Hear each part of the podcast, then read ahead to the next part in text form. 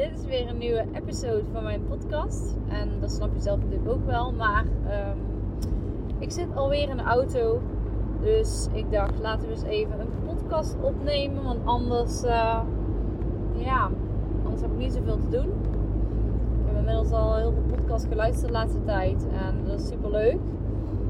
Maar ik vind het ook wel leuk om zelf een podcast op te nemen. Dus ik dacht, waar laat ik het vandaag eens over gaan hebben? En ik had wel meerdere onderwerpen. Ehm, maar ik dacht, misschien is het wel een goed onderwerp waar velen van jullie zich in herkennen. Om te stoppen met sorry zeggen. En waarom dan en wat levert het je op? Daar ga ik het vandaag met jou uh, over hebben. Daar ga ik wat dieper op in. Ehm, ik moet trouwens heel even opletten op de weg. Want um, ik ben onderweg naar Rotterdam. En dus echt mega druk op de weg. Maar ik rij goed, dus dat is een goed teken. ik ben nogal eh, niet heel erg goed in navigeren om even terug te komen op het onderwerp. Uh, deze inspiratie kwam eigenlijk bij mij omdat een uh, paar weken geleden was ik met een uh, coachie. Ehm, naast dat ik haar coaching sessies geef, gaan we ook samen naar de sportschool. Omdat ze het zelf best wel eng vindt om die stap te zetten. dus daar heb ik haar mee geholpen. En toen was er een moment dat zij de gewichten terug wilde leggen in het rek. En net iemand anders wilde op dat moment daar ook zijn. En zij was daar eerst en ze zei in één keer van sorry. Um, en ze stapte achteruit. Zo van um, ja, alsof ze dat niet mocht zijn, alsof ze het gevoel had dat ze in de weg stond terwijl zij daar eerst was. En toen kwam ik daar even iets later op terug. Ik denk, laat het heel eventjes. Ik zeg, waarom zei je eigenlijk sorry? Toen zei ze, ja, ik stond daar in de weg. Zei ik, was dat echt zo? Volgens mij was jij daar eerst. En toen zei zij van, uh, ja, maar zij moest, daar, zij moest daar zijn. En toen zei ik, jij moest daar ook zijn. Dus, heeft zij dan meer recht op jou om daar te zijn? Ze zegt, nee, maar ja, ik stond daar in de weg. Ik of zij jou stond, stond jou in de weg. Um, dus dit is maar net de manier hoe je het bekijkt. Je kunt het vanuit meerdere perspectieven bekijken, maar zij, uh, uiteindelijk gingen we daar wat dieper op in, heb ik haar daarop gecoacht. En het kwam er dus op neer dat zij zichzelf minder waard vond om op die plek te zijn. En dit was dus eigenlijk een perfect voorbeeld van hoe zij dat dus ook uh, op andere gebieden ziet. Waar ze zich plaatst en uh, dat ze anderen boven zichzelf zet. En ja, hoe vervelend het ook was, het was wel heel mooi om te zien. want daar kon ik dan meteen op ingaan. En toen um, gingen we eens even kijken van waar zeg jij nog meer sorry? Uh, um, even kom ik niet in. Waar zeg jij nog meer sorry waar eigenlijk geen sorry hoeft te zeggen? En toen kwam het er eigenlijk op neer dat ze dat eigenlijk continu deed. Ze zei telkens sorry. Als zij ook maar iets of iemand voor haar gevoel in de weg stond. Of iemand liep tegen haar aan, zei zij sorry. Terwijl ze helemaal geen reden had om sorry te hoeven zeggen toen uh, zei ik van oké, okay, zou, hoe zou jij dat willen zien eigenlijk? Nou ja, dat ik gewoon het gevoel heb uh, dat het mijn plek is. Dat ik mijn plek mag innemen. Uh, als ik vind dat ik, ja, dat ik die plek mag innemen. En ehm, toen hebben we eigenlijk een afspraak gemaakt. Of ja, die heeft ze zelf bedacht. Want ik ben altijd zo van, kijk, ik kan een afspraak voor iemand verzinnen. Maar uiteindelijk werkt het niet. Het moet uit iemand zelf komen. Als het niet uit iemand zelf komt, werkt het niet. Dus heel vaak informatie uh, geven, tips geven. Nou, dat kun je op internet ook wel vinden. Maar de oplossing die zit al in je. Uh, alleen vaak ben je er niet bewust van. En toen, uh, toen ze er heel erg op ging letten. Kijk, dat is net als een stopwoordje vaak. Je gaat erop letten. En als je erop gaat letten, dan word je eerst eens even bewust ervan hoe vaak je dat eigenlijk doet. En daar is helemaal niks mis mee. Dus je moet het niet per se zien als falen van shit, nu doe ik het weer. Want anders leg, je de lat wel heel hoog van jezelf. Uh, voor jezelf.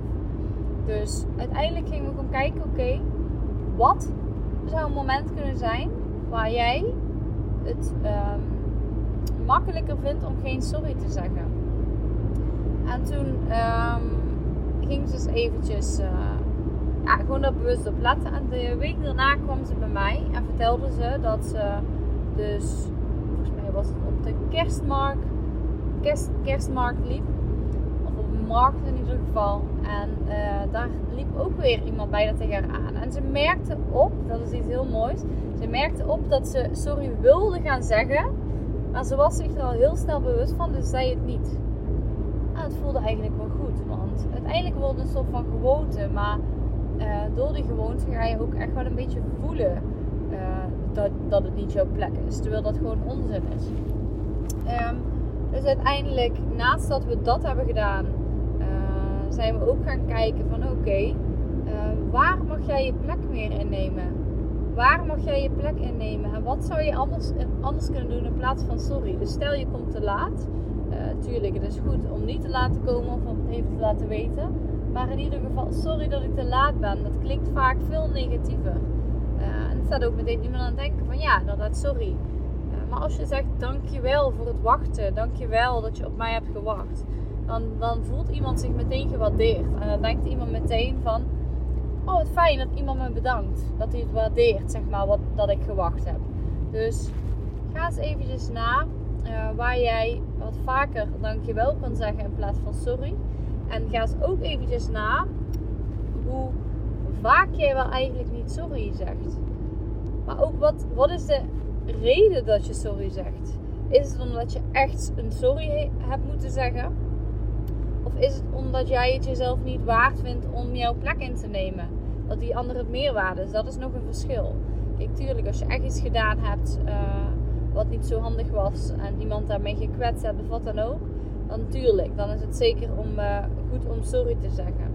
Maar als jij helemaal geen enkele reden hebt om sorry te zeggen, dan hoef je dat ook echt niet te doen. Want dat doet ook iets met jou mentaal. Uh, ondanks dat je er niet bewust van bent. Dus als jij gaat werken aan jezelf, je voelt jezelf verzekerder, je durft je plek in te nemen, want jij hebt daar gewoon recht op, jij bent het waard om die plek in te nemen, dan heb je ook niet meer het gevoel om, dat je sorry wilt zeggen. Nou, er zijn bijvoorbeeld meerdere voorbeelden waarbij je vaak sorry zegt. Nou, stel je zegt een feestje af omdat je gewoon echt merkt dat je wat tijd voor jezelf nodig hebt of omdat je je rust nodig hebt. Of omdat je er totaal geen behoefte aan hebt of andere prioriteiten hebt. De reden maakt eigenlijk helemaal niks uit. Je wilt gewoon voor jezelf kiezen. En uh, wat het heel vaak is, is dat mensen uh, niet durven af te zeggen ten eerste. En dan gaan ze naar het feestje met tegenzin. En uiteindelijk kost ze dat veel meer. Uh, bijvoorbeeld energie, tijd, noem maar op.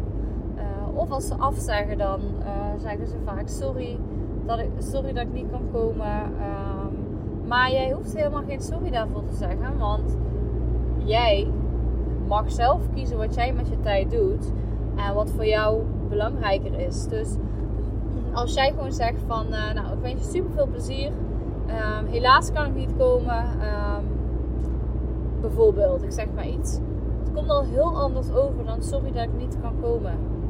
Dan laat je daarmee eigenlijk meteen zien dat je onzeker bent. En ik wil niet zeggen dat, het, dat er iets mis mee is om te laten zien dat, dat je onzeker bent. Maar uh, het is meer ook voor jezelf. Als jij je onzeker gedraagt of uitspreekt of wat dan ook, dan ga je ook onzekerder voelen. Um, en je hoeft echt niet te doen alsof je echt mega zelfverzekerd bent. Maar dit is al de manier van communicatie. Laat je ook gewoon heel anders voelen. Maar ook bijvoorbeeld, stel jij wordt emotioneel om iets of moet in één keer huilen. Um, ja, je toont zeg maar hoe jij je voelt. Dan is dat ook geen reden om sorry te zeggen. Want jouw emoties mogen er zijn. En als jij zegt sorry dat ik moet huilen, dan zeg je eigenlijk dat het meteen iets negatiefs is. Dat het meteen slecht is. Dat je eigenlijk niet wil huilen, dat dat een soort van niet mag. En daarmee, ja, stop je eigenlijk jezelf weg, je gevoel, um, stop je weg. Terwijl we zijn geen robots. Ik moet ook huilen, ondanks dat ik echt fucking gelukkig ben, als ik het even zo zeg. Um, ik moet ook wel eens huilen en die emoties zijn heel normaal. Dus jij hoeft je nooit, maar ook nooit te verantwoorden dat je moet huilen. Maar ook het tegenovergestelde. Als iemand anders in een slecht humeur is en jij bent blij, je ook nooit sorry te zeggen van sorry dat ik zo blij ben terwijl jij uh, iets heftigs hebt meegemaakt. Nou, dat is heel vervelend en je kunt er zeker voor die persoon zijn.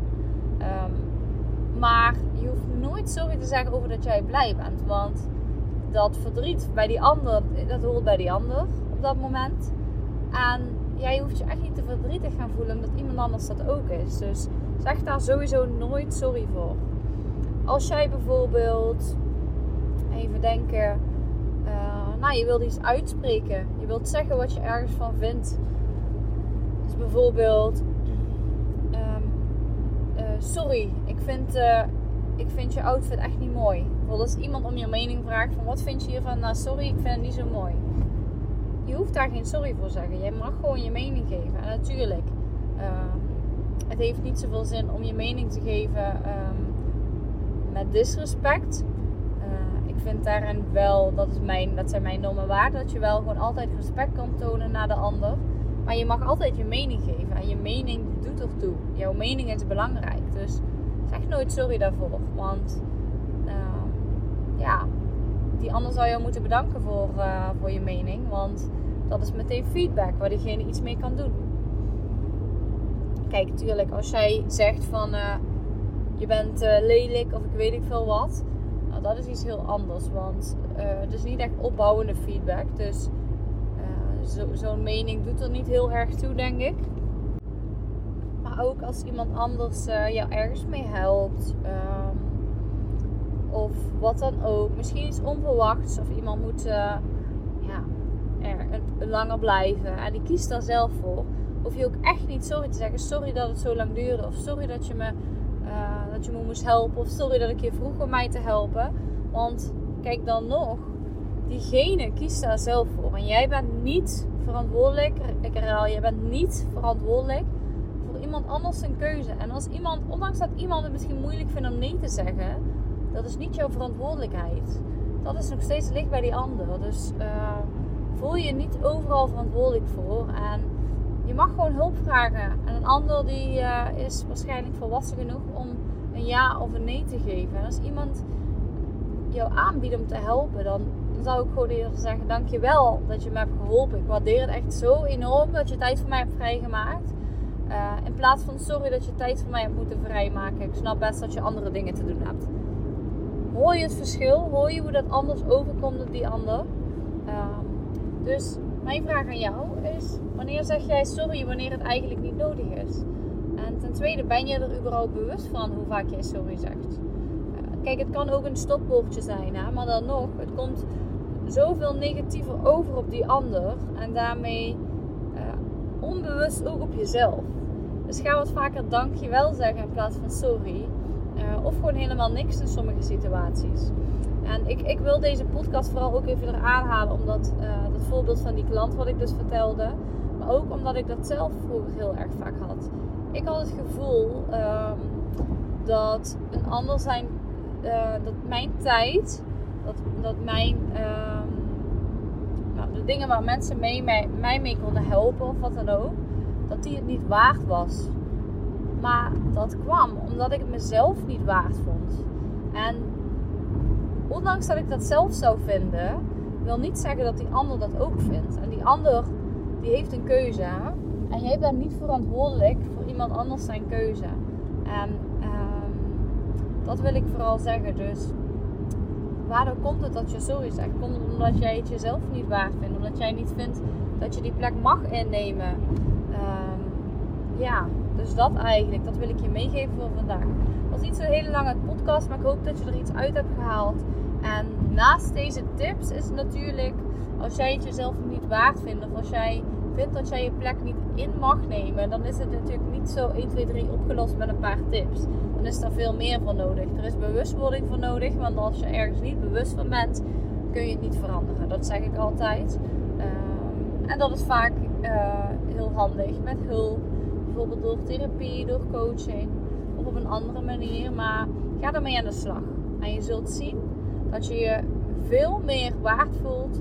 Je kunt je plek veel beter innemen. En uh, nou, dat straalt ook veel meer positiviteit uit naar een ander.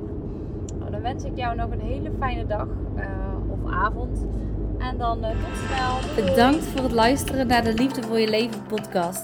Volg mij op Instagram op @demiopai en stuur je vraag via DM of mail naar info@deemscoaching.nl. Wil je graag met mij in gesprek over jouw doelen of over een onderwerp in deze podcast? Laat het me weten.